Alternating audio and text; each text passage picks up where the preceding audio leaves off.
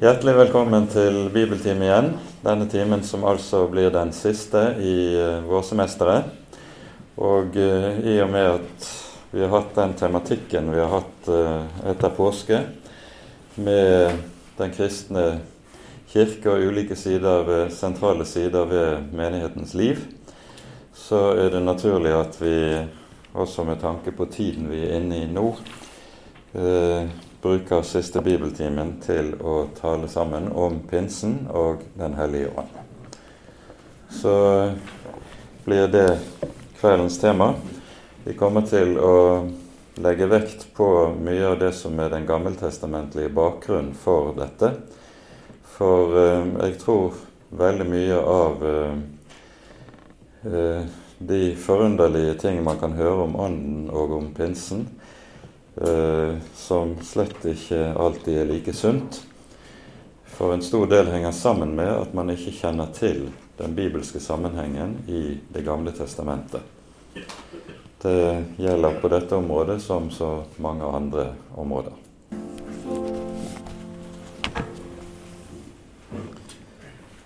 La oss be. Kjære gode Gud og trofaste Far så kommer vi sammen på ny i ditt hellige navn og takker og lover deg for ditt løfte at du vil være hos oss når vi samles om ditt ord og i Jesu navn. Takk, Herre Jesus, at vi skal få lov til å ha et hjem i din kirke på jorden, fordi du ga livet ditt for vår skyld. Takk, Herre, for syndenes forlatelse og en evig rettferdighet som du har brakt for lyset og latt oss få del i. Nå ber vi, Herre, at du vil sende din Hellige Ånd og være hos oss denne kvelden, og at du vil gi lys i ordet ditt så vi også kan kjenne deg rett. Amen.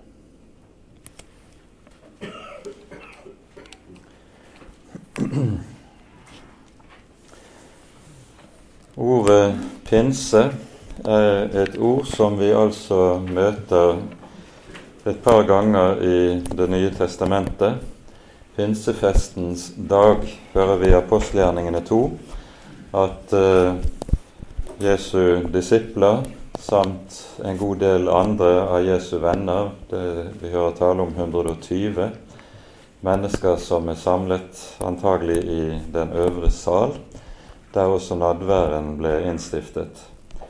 Disse samlet på pinsefestens dag. Og et par andre ganger i apostelgjerningene hører vi også om pinsefesten. Vi hører Paulus etter sin tredje misjonsreise haster for å kunne nå opp til Jerusalem til pinsefestens dag. Derfor han ikke, drøyer han ikke lenge i Efesos når han er på vei tilbake til sin sendemenighet. På engelsk har vi ordet 'pentekost', som er hentet direkte fra det greske ordet som vi finner for pinse i Det nye testamentet. Pentekoste, det betyr rett og slett den femtiende dagen. Og eh, dette er da et ord som vi ikke finner i Det gamle testamentet.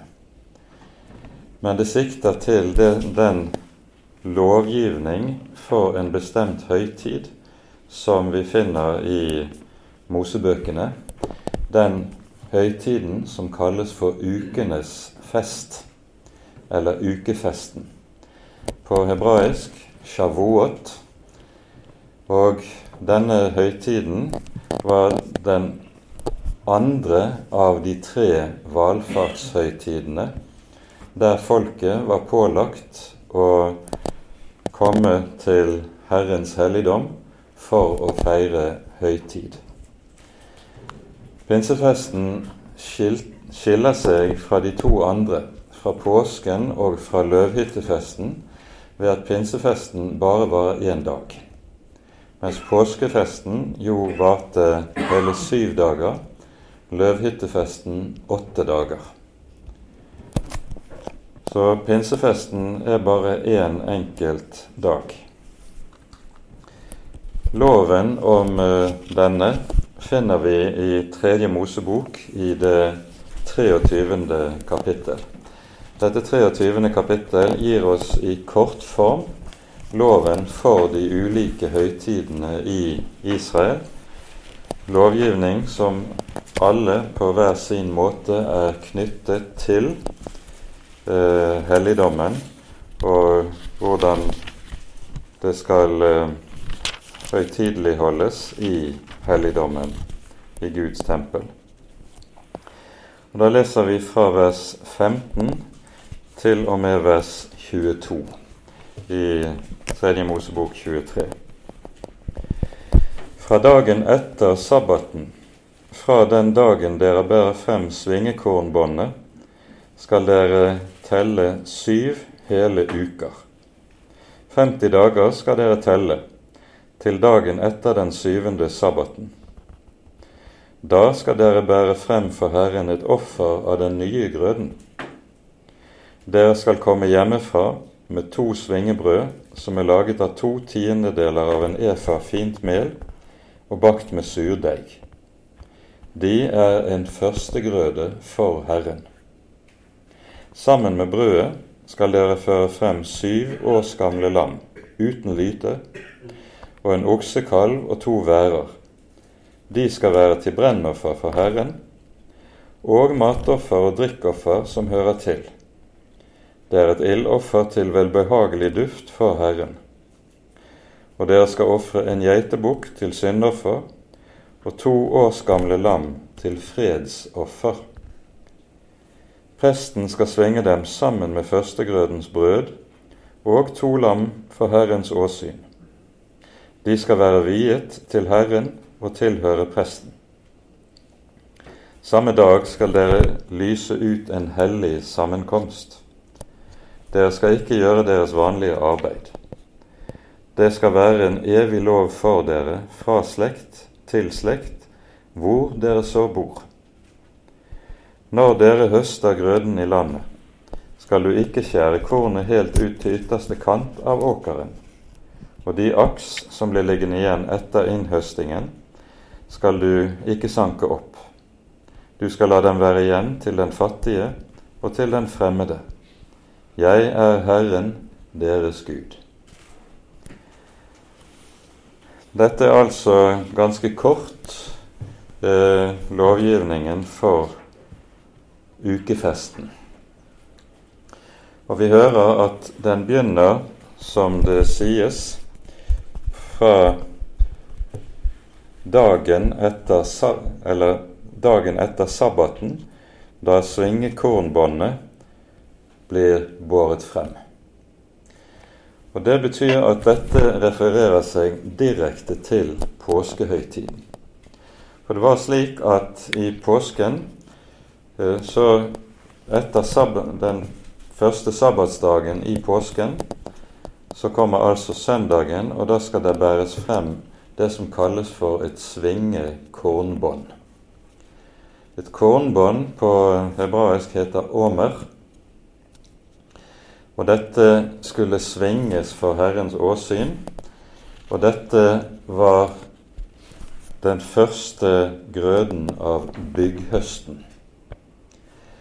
Og så hører vi i forbindelse med pinsen at da skal det også bæres frem kornbånd til takkoffer. Eller ikke kornbånd, men mel av førstegrøden. Og dette skal bakes til brød, som skal svinges for Herrens åsyn.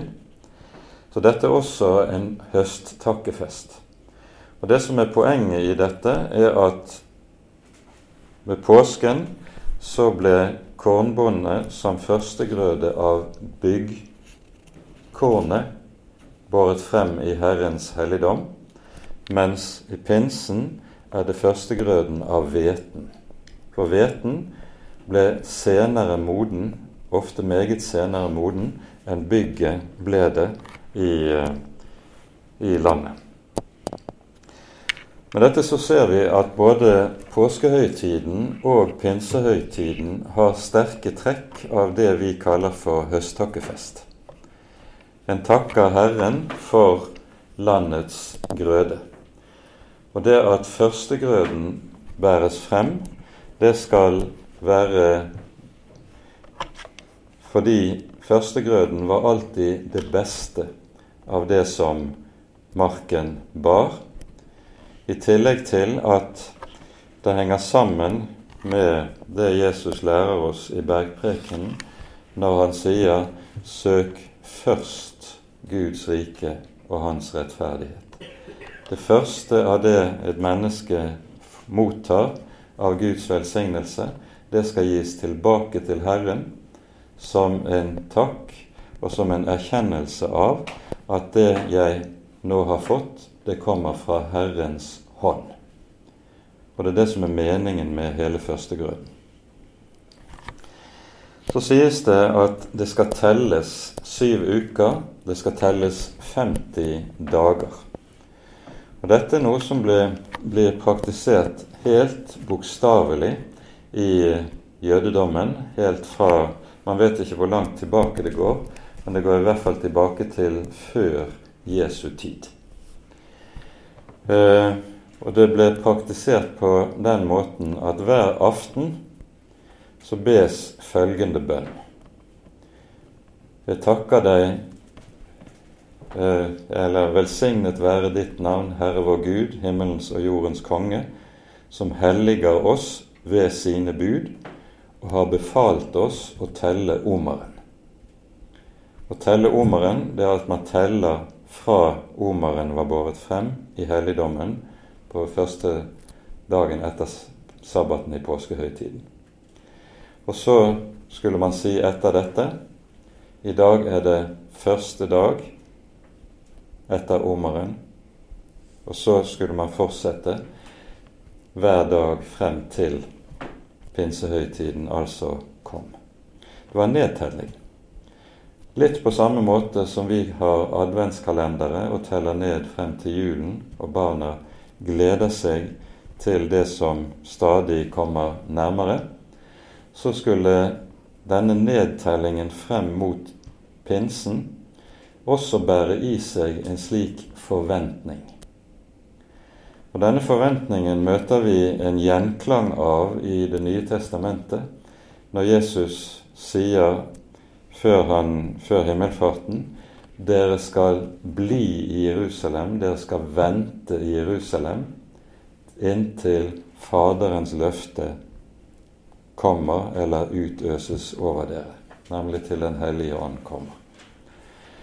Og Så kan vi da tenke oss at disiplene som meget eh, lovtro jøder, for det ser vi av flere trekk i Det nye testamentet, de har hver aften bedt denne bønnen der de har telt ned frem mot pinsen, og så kommer pinsehøytiden. Pinsehøytiden er altså en høsttakkefest. Og eh, det at begrepet førstegrøde forbindes med Den hellige ånd, det er noe vi også møter i Det nye testamentet. I Romerbrevets åttende kapittel så hører vi dette sies direkte. Eh, vi leser et par vers derfra.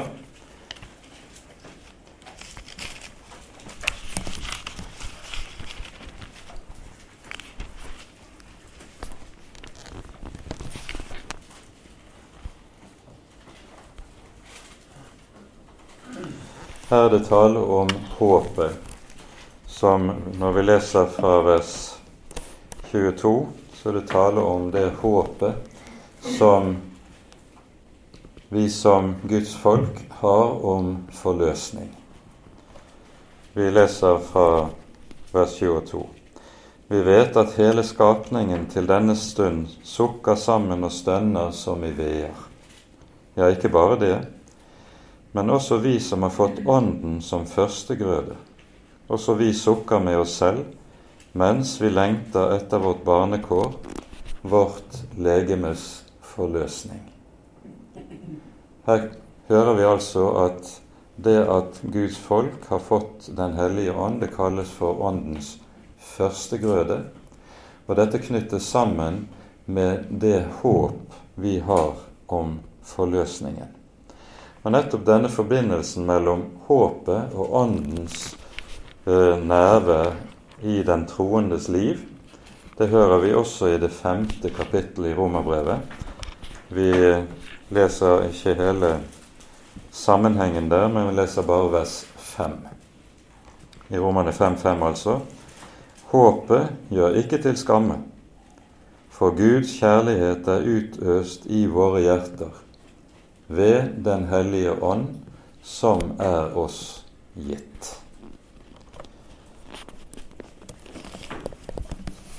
Nedtellingen bærer altså i seg denne forventning som vi her har pekt på.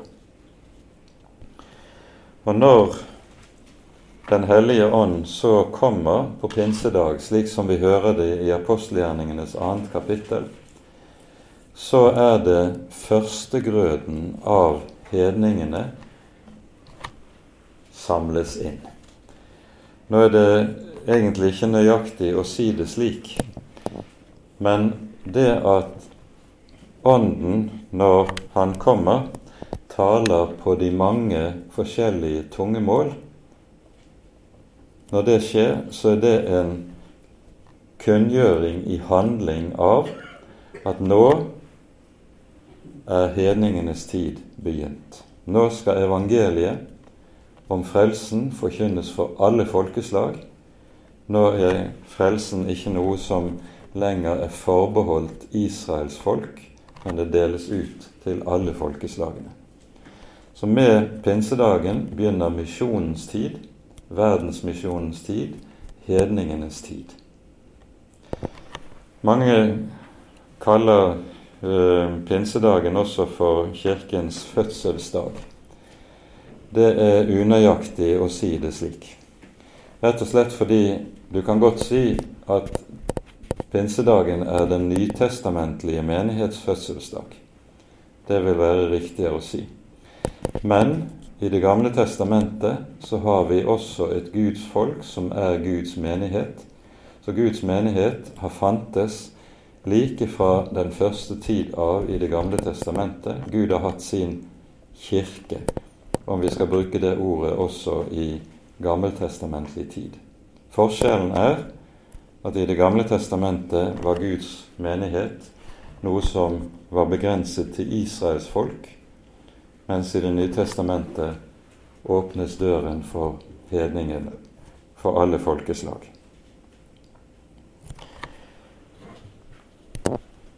Dette innebærer at det som skjer pinsedagen, også har en meget viktig sammenheng til en annen tekst i vårt gamle testamente nemlig det vi hører i Første Mosebok kapittel 11 om Babels tårn. Og vi tar oss tid også til å lese den teksten.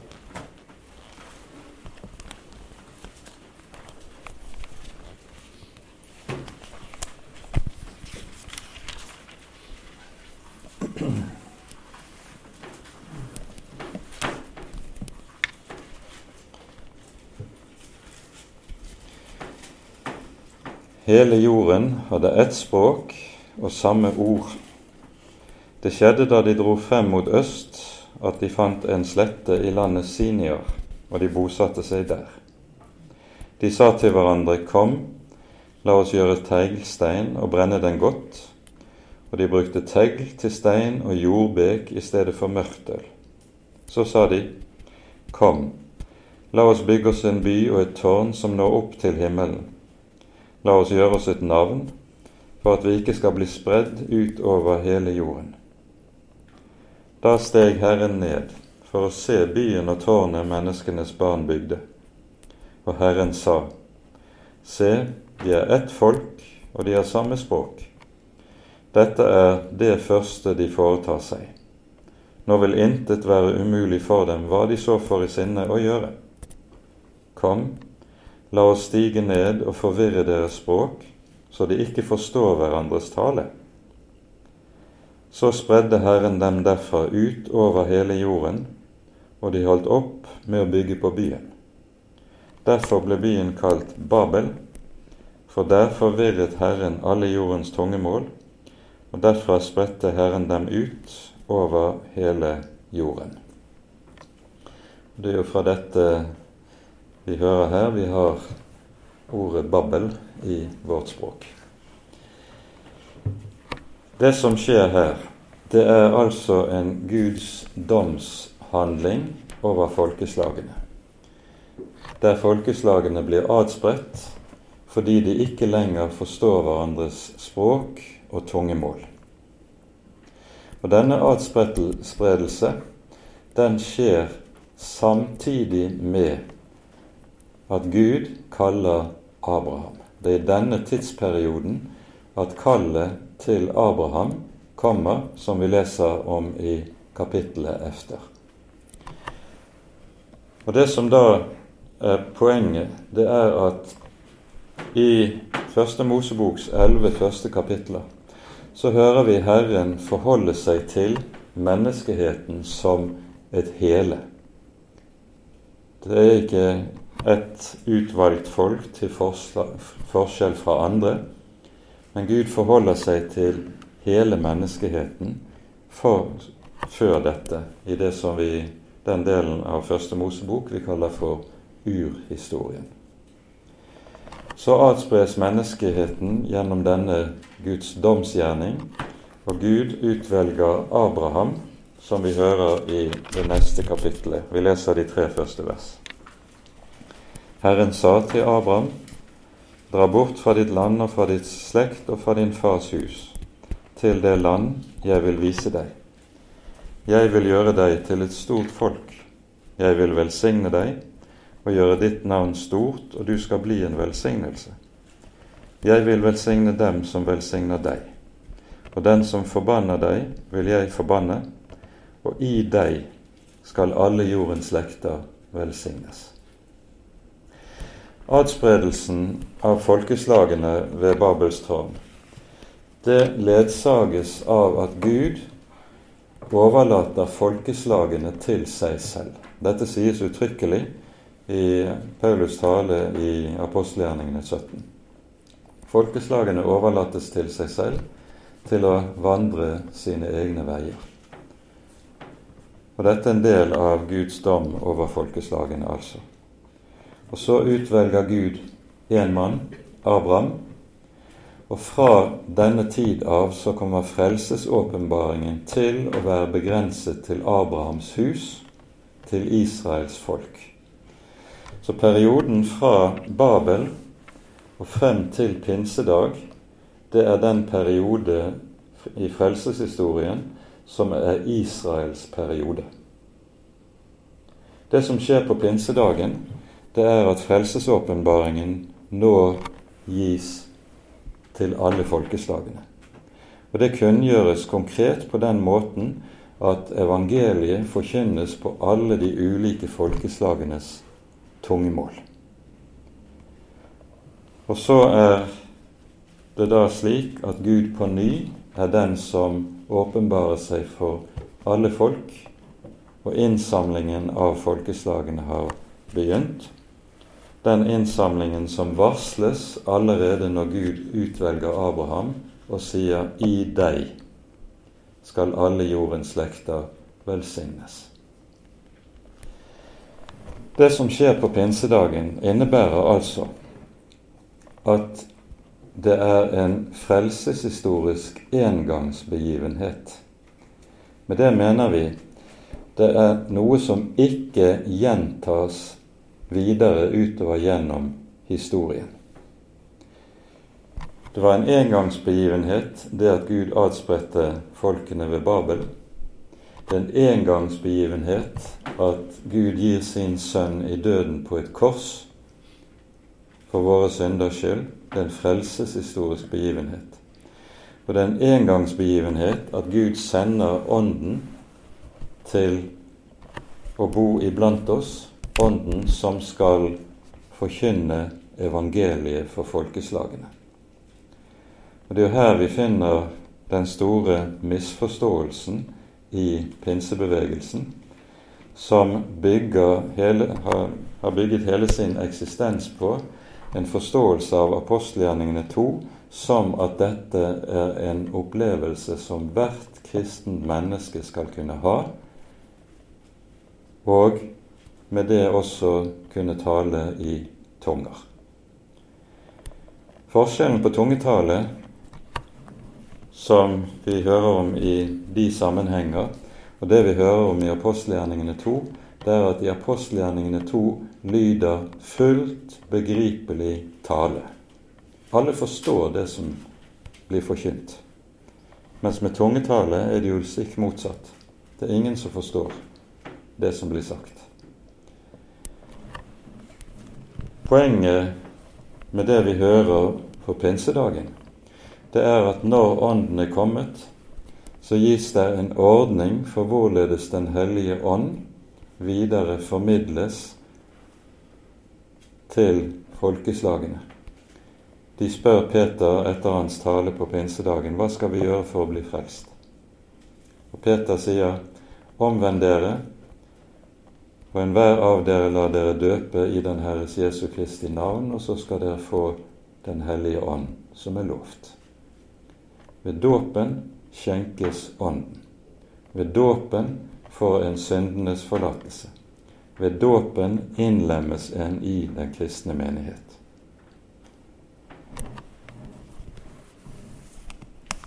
Dette er viktig å være klar over, at store deler av både pinsebevegelsen og det vi kaller for den karismatiske bevegelse, bygger rett og slett på en misforståelse når det gjelder hvordan en skal utlegge teksten fra pinsedagen i apostelgjerningene 2.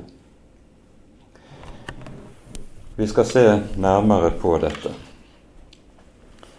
På Jesu tid så ble pinsefesten ikke bare feiret som en høsttakkefest. Den ble også feiret til minne om én bestemt begivenhet i Israels historie, nemlig lovgivningen på Sinai. Og vi vet fra kilder, jødiske kilder fra datiden at for det første så sies det uttrykkelig eh, Dette er jo skrifter som er utenombibelske, men det er altså innenfor jødisk tradisjon. Det sies uttrykkelig at loven ble gitt på pinsefestens dag. Og i enkelte av de andre skriftene så hører vi at det hørte til den faste liturgien på pinsefestens dag at en leste teksten fra 2. Mosebok kapittel 19 og 20, der vi hører om hvordan Gud åpenbarer seg på Sinai og gir de ti bud. Vi venner oss til dette avsnittet i andre Mosebok kapittel 19 og 20. For her er det slik at de rabbinske lærde, når de leser denne teksten, så legger de merke til detaljer i teksten som vi ikke uten videre legger merke til. Eh, og disse detaljene i rabbinernes forståelse av teksten her har den aller største betydning for forståelsen av det som skjer i apostelgjerningene 2. Vi hører når først om i kapittel 19 om for, hvordan folket skal forberede seg for at Herren skal stige ned og åpenbare pakten og paktens ord for dem. Og så leser vi da fra vers 16 i kapittel 19. Så skjedde det den tredje dagen da morgenen brøt frem. Da tok det til å tordne og lyne. En tung sky la seg over fjellet, og det hørtes en meget kraftig lyd fra horn. Her brukes ordet sjåfar om hornene som lyder. Da skalv alt folket i leiren. Men Moses førte folket ut av leiren til møte med Gud, og de stilte seg nedenfor fjellet. Hele Sinai berg sto i røk, fordi Herren var steget ned på det i ild. Røken steg opp som av en smelteovn, og hele fjellet skalv. Hornets tone økte i styrke og ble stadig sterkere. Moses talte, og Gud svarte ham med høy røst, og Herren steg ned på Sinai berg, på toppen av fjellet. Og så kalte Herren Moses opp på toppen av fjellet, og Moses steg opp. Her hører vi hvordan åpenbaringen av loven ledsages av en veldig åpenbaring av Guds majestet. Fryktinngytende, folket bever i redsel for den hellige Gud. Og Så gjør vi et hopp til kapittel 20, og vi leser vers 18. Hele folket så røstene og ildtungene og tonen fra horn og fjellet i røk. Da folket så og hørte dette, skalv de og holdt seg langt borte.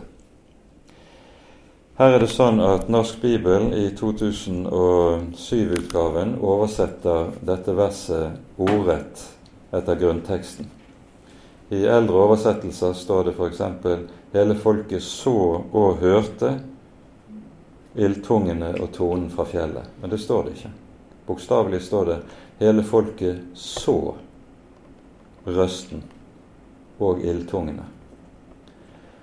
Og Da er det rabbinerne stiller seg spørsmålet hvordan kan det stå at de ser en røst?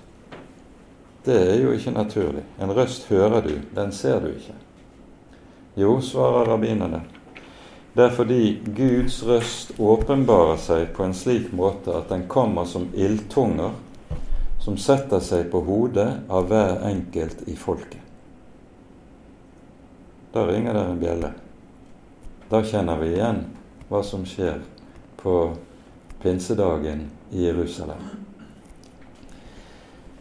For denne utleggelsen av teksten fra Andre Mosebok, den var den vanlige utleggelsen av teksten allerede på Jesu tid, og hele det jødiske folk kjente til det. Det innebærer at når det skjer på pinsedagen, som vi hører i apostelgjerningene 2, så kjenner folk igjen det. Det som skjer her, er nøyaktig det samme som skjedde på Sinai. Videre så spør rabbinerne hvorfor står det røster i flertall, og ikke bare tale om én røst. Jo, sier rabbinerne, det er fordi når Gud åpenbarer sin hellige lov, så åpenbarer han den ikke bare for Israels folk, men han åpenbarer loven for alle folkeslag under himmelen. Og hvert enkelt folk får spørsmål fra Herren. Vil dere følge min lov? Og alle folkeslagene sier nei. Det er bare Israel som svarer ja. Og når Gud åpenbarer sin lov, så gjør han det på de respektive folkeslags tungemål. Slik leste altså rabbinerne denne teksten, og vi skjønner med det så har vi en nøkkel til å forstå det som skjer på pinsedagen i Jerusalem. Guds røst åpenbarer seg i form av ildtunger som setter seg på hodet til hver av apostlene, og evangeliet lyder på de mange, mange tungemål, slik vi hører det i apostelgjerningene 2. Så er det at folket utmerket godt kjenner igjen det som skjer i apostelgjerningene 2, og vi tar oss tid til å lese derfra.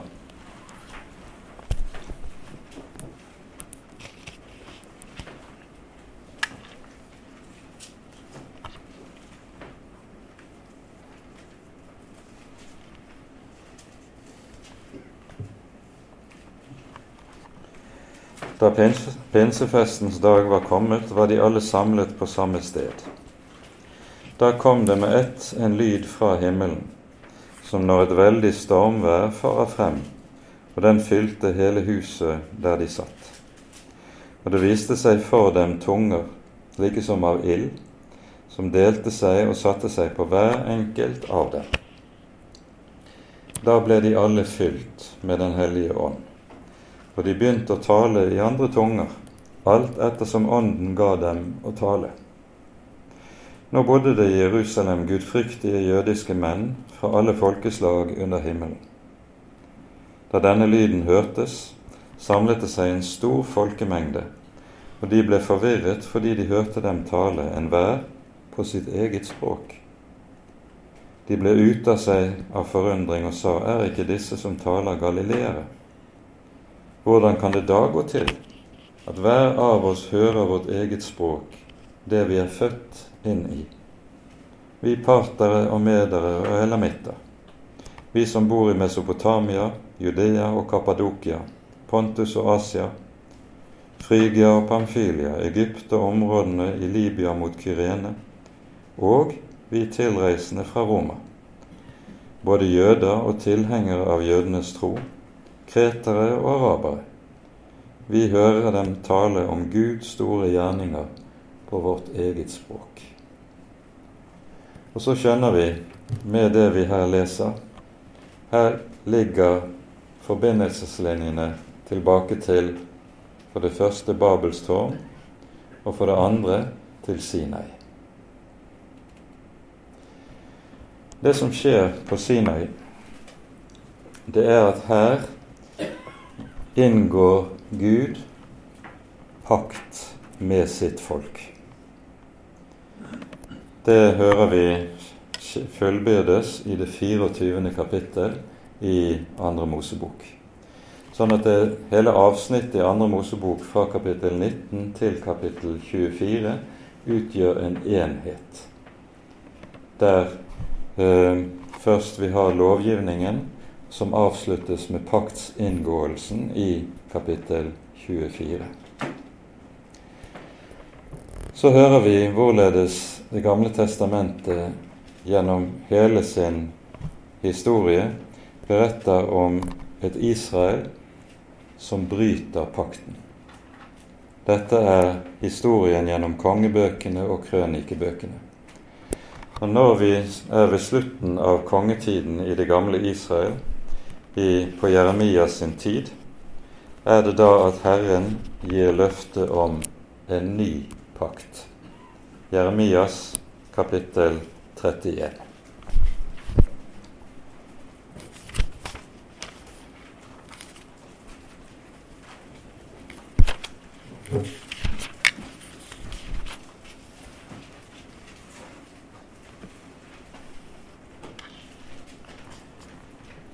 Vi leser fra vers 31 til vers 34. Se, dager kommer, sier Herren, da jeg vil opprette en ny pakt med Israels hus og med Judas hus. Den skal ikke være som den pakten jeg opprettet med deres fedre på den dagen da jeg tok dem ved hånden og førte dem ut av landet Egypt. Den pakt med meg som de brøt, enda jeg var deres ektemann sier Herren. Men dette er den pakten jeg vil opprette med Israels hus etter de dager, sier Herren. Jeg vil gi min lov i deres sinn og skrive den i deres hjerte. Jeg vil være deres Gud, og de skal være mitt folk. De skal ikke lenger lære hver sin neste og hver sin bror å si:" Kjenn Herren. For de skal alle kjenne meg, både små og store, sier Herren, for jeg vil forlate deres misgjerning og ikke lenger minnes deres synd. Det siste 'for' i vers 34 peker på hva som er pakt, den nye paktens grunn. Den nye pakt er grunnlagt på syndenes forlatelse, nemlig på evangeliet. Og Den nye pakt skiller seg fra den gamle pakt ved at Gud skri skal skrive sin lov inn i menneskenes hjerter. Den gamle pakt kom som lov som var skrevet med Guds finger på steintavler. Og loven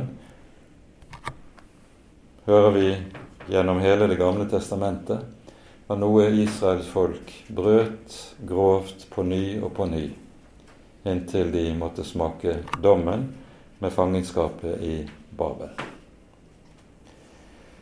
Hos Esekiel, som er Jeremias sin samtidige, hører vi hvordan denne innskrivning skal foregå. Innskrivningen av Guds lov i hjertene. Vi leser fra Esekiel kapittel 36. Og vi leser fra vers 25.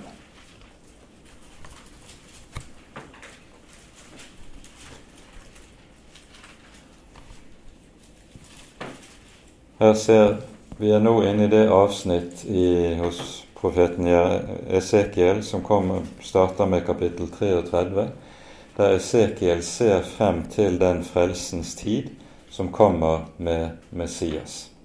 Messias tegnes særlig for oss i kapittel 34 som den gode hyrde. Så kapittel 34 hos Esekiel er et viktig bakgrunnsavsnitt for Jesu tale om seg selv som den gode hyrde. Så kommer vi altså til kapittel 36, og vi leser fra vers 25. Jeg vil stenke rent vann på dere, så dere skal bli rene. Fra alle deres urenheter og fra alle deres motbydelige avguder vil jeg rense dere. Jeg vil gi dere et nytt hjerte, og en ny ånd vil jeg gi i dere. Jeg vil ta bort steinhjertet av deres kjød og gi dere et kjødhjerte. Min ånd vil jeg gi inni dere. Og jeg vil gjøre det så at dere følger mine bud og holder mine lover og gjør etter dem. Det Den hellige ånd gjør, det er at skriver, han skriver den nye pakt inn i menneskenes hjerter.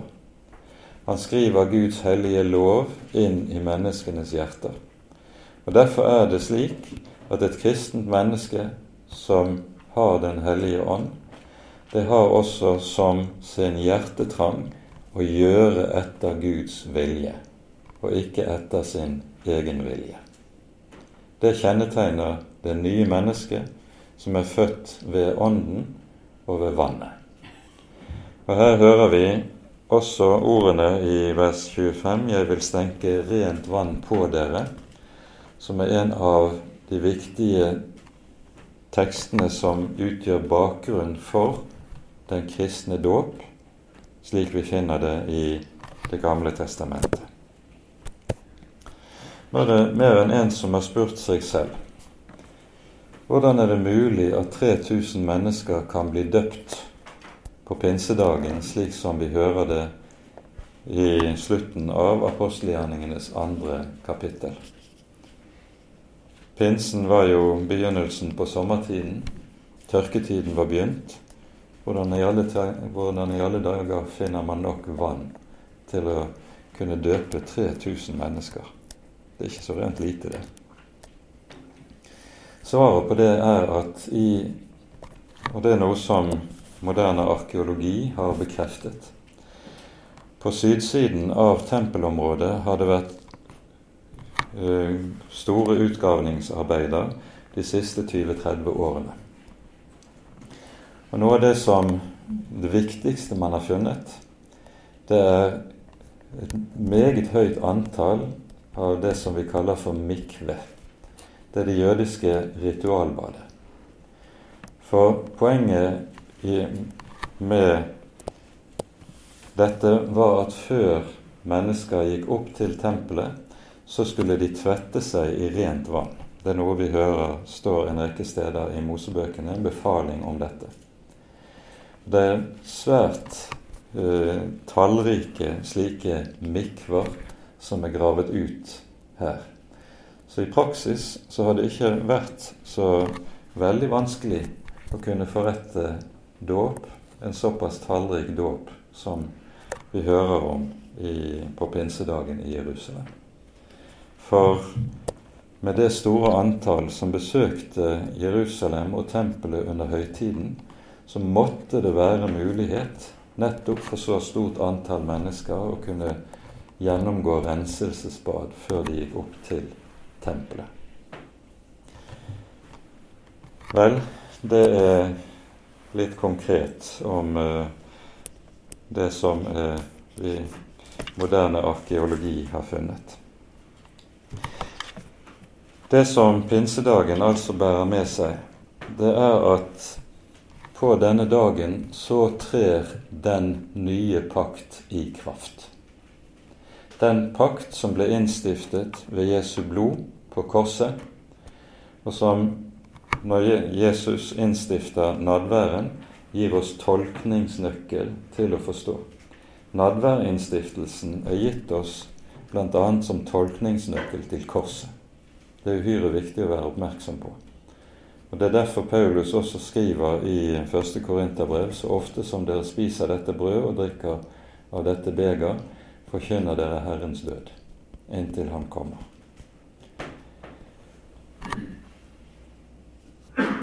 Her trer den nye pakt i kraft.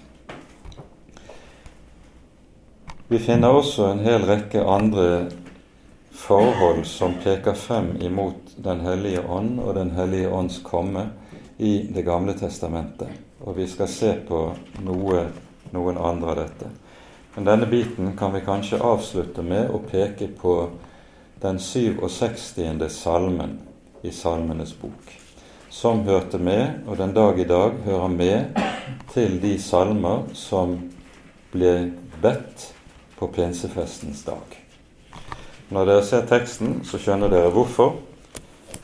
Eh, for det er en tekst som handler om innhøstningen og Guds velsignelse av landets grøde, og om hvordan dette forutsier innhøstning også av folkeslagene vi leser. Gud vær oss nådig og velsign oss.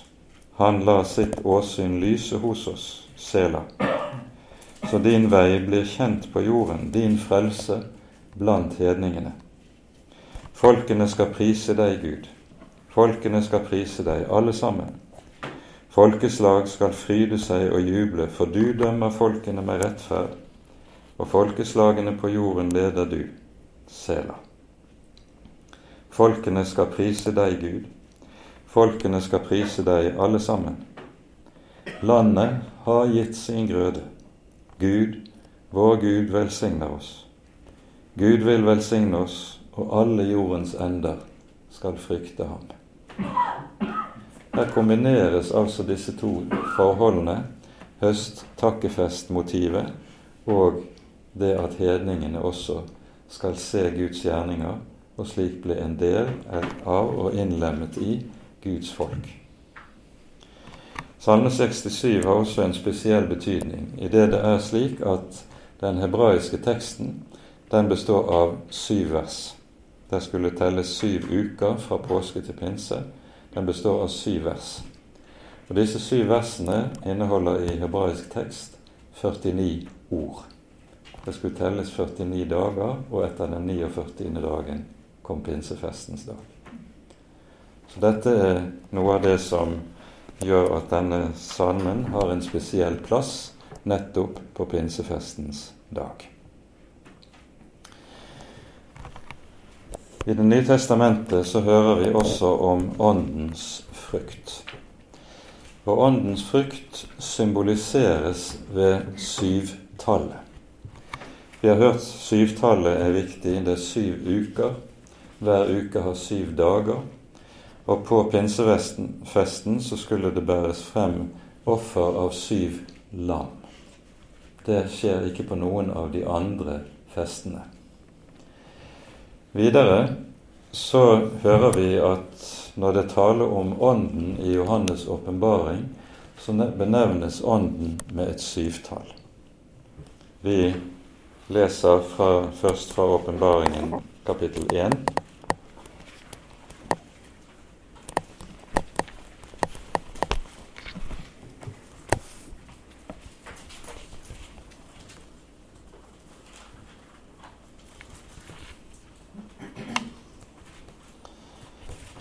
Her i, fra vers 4 og vers 5 så møter vi en hilsen i den treenige Guds navn. Men den er formulert på en veldig spesiell måte. Johannes til de syv menigheter i Asia.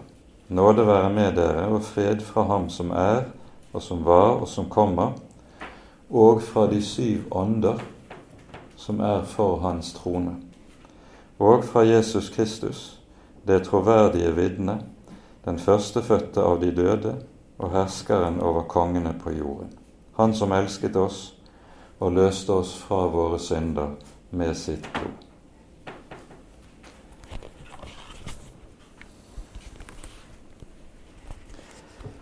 Og så hører vi i, eh, litt lenger ute i kapittelet hvordan Jesus åpenbares i sin herlighet. Det er den forklarede Jesus Kristus vi hører beskrevet. Han vandrer mellom de syv lysestaker av gull. Med det tenkes det på den syvarmede lysestaken som sto i tabernaklet og i tempelet. Syvtallet knyttet til Ånden møter vi også igjen i det fjerde kapittelet, der vi hører den himmelske helligdommen og den himmelske gudstjenesten bli beskrevet.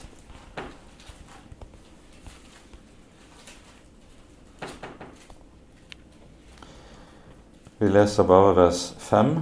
Her står det fra tronen går det ut lyn og røster og tordendrønn, og syv ildfakler brenner foran tronen. Det er de syv Guds ånder.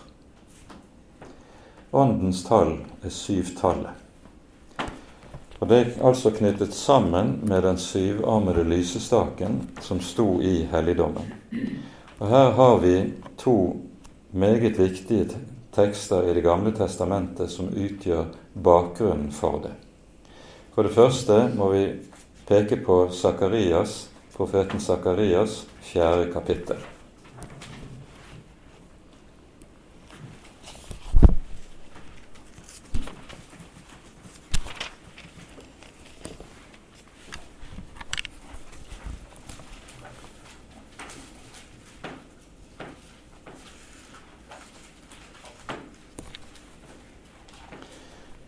Underlig syn, som, og det er jo, kjennetegner jo en rekke av synene i Sakarias-boken at de er meget særegne.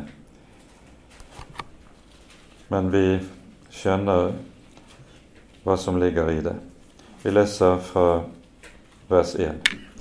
Engelen som talte med meg, kom så tilbake og vekket meg som når en mann vekkes av sin søvn. Og han sa til meg, Hva ser du? Jeg svarte, jeg ser en lysestake som er helt igjennom av gull. På toppen har den et oljekar, og den har syv lamper med syv rør til hver av lampene som er på den. Det er den syvarmede lampen, eller lysestaken, i tempelet det er tale om her. Og så står det to oljetrær ved siden av dem, ett på høyre og ett på venstre side av oljekaret. Og jeg tok til orde og sa til engelen som talte med meg, Hva er dette, Herre? Engelen som talte med meg, svarte, Vet du ikke hva dette er? Jeg sa nei, Herre. Da tok han til orde og sa til meg, Dette er Herrens ord til Serubabel. Ikke ved makt og ikke ved kraft, men ved min ånd, sier Herren herskarenes Gud. Oljen, det er bildet på Guds ånd, som skal utføre gjerningen. Sakarias virker i den tid da Israel har fått vende tilbake fra fangenskapet i Babel. Og Så skal de gi seg i kast med gjenreisningen av tempelet. Det er Sakarias og Haggai som er profeter på denne tid. Og Det er en oppgave som synes umulig for dem. De er få, de er fattige, og de er ganske hjelpeløse etter hjemkomsten fra Babylon. Og så er det de får denne åpenbaring og denne oppmuntring. Om du, Serubabel, som altså er leder for byggarbeidet, er aldri så svak og hjelpeløs.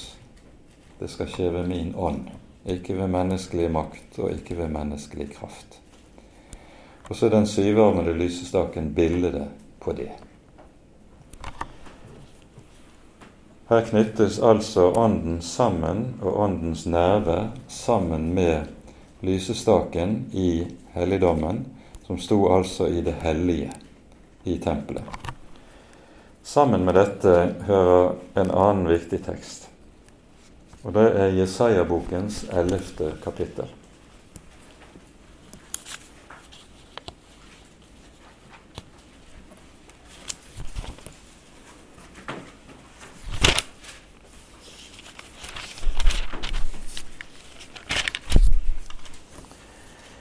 Her er det jo vi møter en av de aller mest sentrale Messias-profetiene i Det gamle testamentet. Hele dette kapittel 11 taler om Messias og Messias' tid og Messias' gjerning. Vi leser bare de par første versene i kapittelet. En kvist skal skyte frem av Isais stubb, og et skudd fra hans rot skal bære frukt.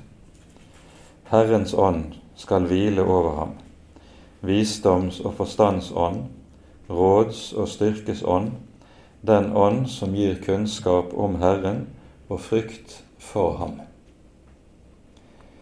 Her møter vi igjen syvtallet, den syvfoldige ånd. Ser du på den syvarmede lysestaken som står der nede, så har du den ene som står i midten, som er bærearmen. Herrens ånd skal hvile over ham. Og så har du seks armer som går ut derfra. Det er de som vi hører om. Det heter visdoms- og forstandsånd, råds- og styrkesånd, den ånd som gir kunnskap om Herren og frykt for ham. Og slik blir den syvarmede lysestaken også bildet på den ånd og den ånds utrustning som skal kjennetegne Messias når han kommer. Og disse åndens frukter som vi hører tale om i dette verset, syvtallet ved det, det er symbolisert i jødisk tradisjon ved forbindelsen til en annen tekst, nemlig 5. Moseboks 8. kapittel vers 8, der vi hører om fruktene i det lovede land. Det er syv frukter som regnes opp.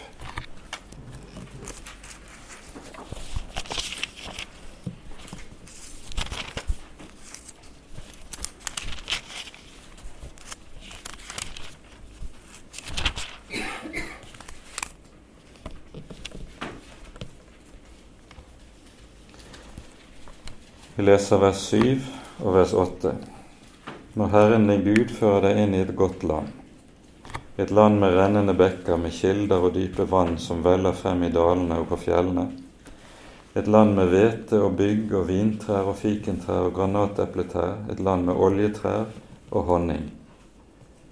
Her hører du syv nevnt. Den siste honningen, det regnes som et annet navn for dadler. Og Dette konkretiseres på den måten at du i Israel kan se at i, hos messianske kristne Når man eh, feirer pinse, så har man gjerne et fat på bordet der man har de syv fruktene stående fremme for å minne om det som er åndens frukt og åndens gave på pinsefestens dag. Vi kommer til å ha dette i kirken på søndag også. Bygg, hvete, oliven, granatepler, vindrue, dadler og fiken. Det er de syv fruktene. Og Det minner altså om dette som denne tråden som går gjennom Skriften helt frem til Johannes' åpenbaring og taler om det som er Åndens frukt. Åndens frukt vi, finner vi jo omtalt ganske særlig i Galaterbrevets femte kapittel. Åndens frukt er kjærlighet, glede, fred, langmodighet osv. I denne sammenheng, når vi taler om pinsen, så er det kanskje særlig grunn til å minne om gleden. For gleden var en grunnleggende side ved feiringen av pinsehøytiden. Det ser vi når vi hører om lovgivningen for pinsehøytiden i 5. Mosebok kapittel 16.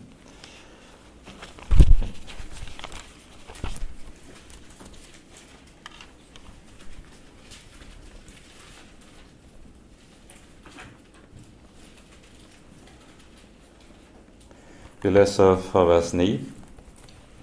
Så skal du telle sju uker. Fra den tiden du begynner å skjære kornet med sigden, skal du telle syv uker frem. Og så skal du holde ukenes høytid for Herren din Gud, og bære frem dine frivillige gaver, alt ettersom Herren din Gud velsigner deg. Og du skal være glad for Herren din Guds åsyn, på det sted hvor Herren din Gud velger å la sitt navn bo både du og din sønn og din datter og din trell, og din trellkvinne og levitten som bor hos deg, og den fremmede og den farløse og enken som bor hos deg. Du skal glede deg for Herren din Guds åsyn. Det var noe av det som skulle være overskriften over pinsefestens dag. Og slik er det vi hører altså at gleden, gleden i Herren, gleden for Herrens åsyn var en grunnleggende side ved, pins, ved høytideligholdelsen av denne høytiden.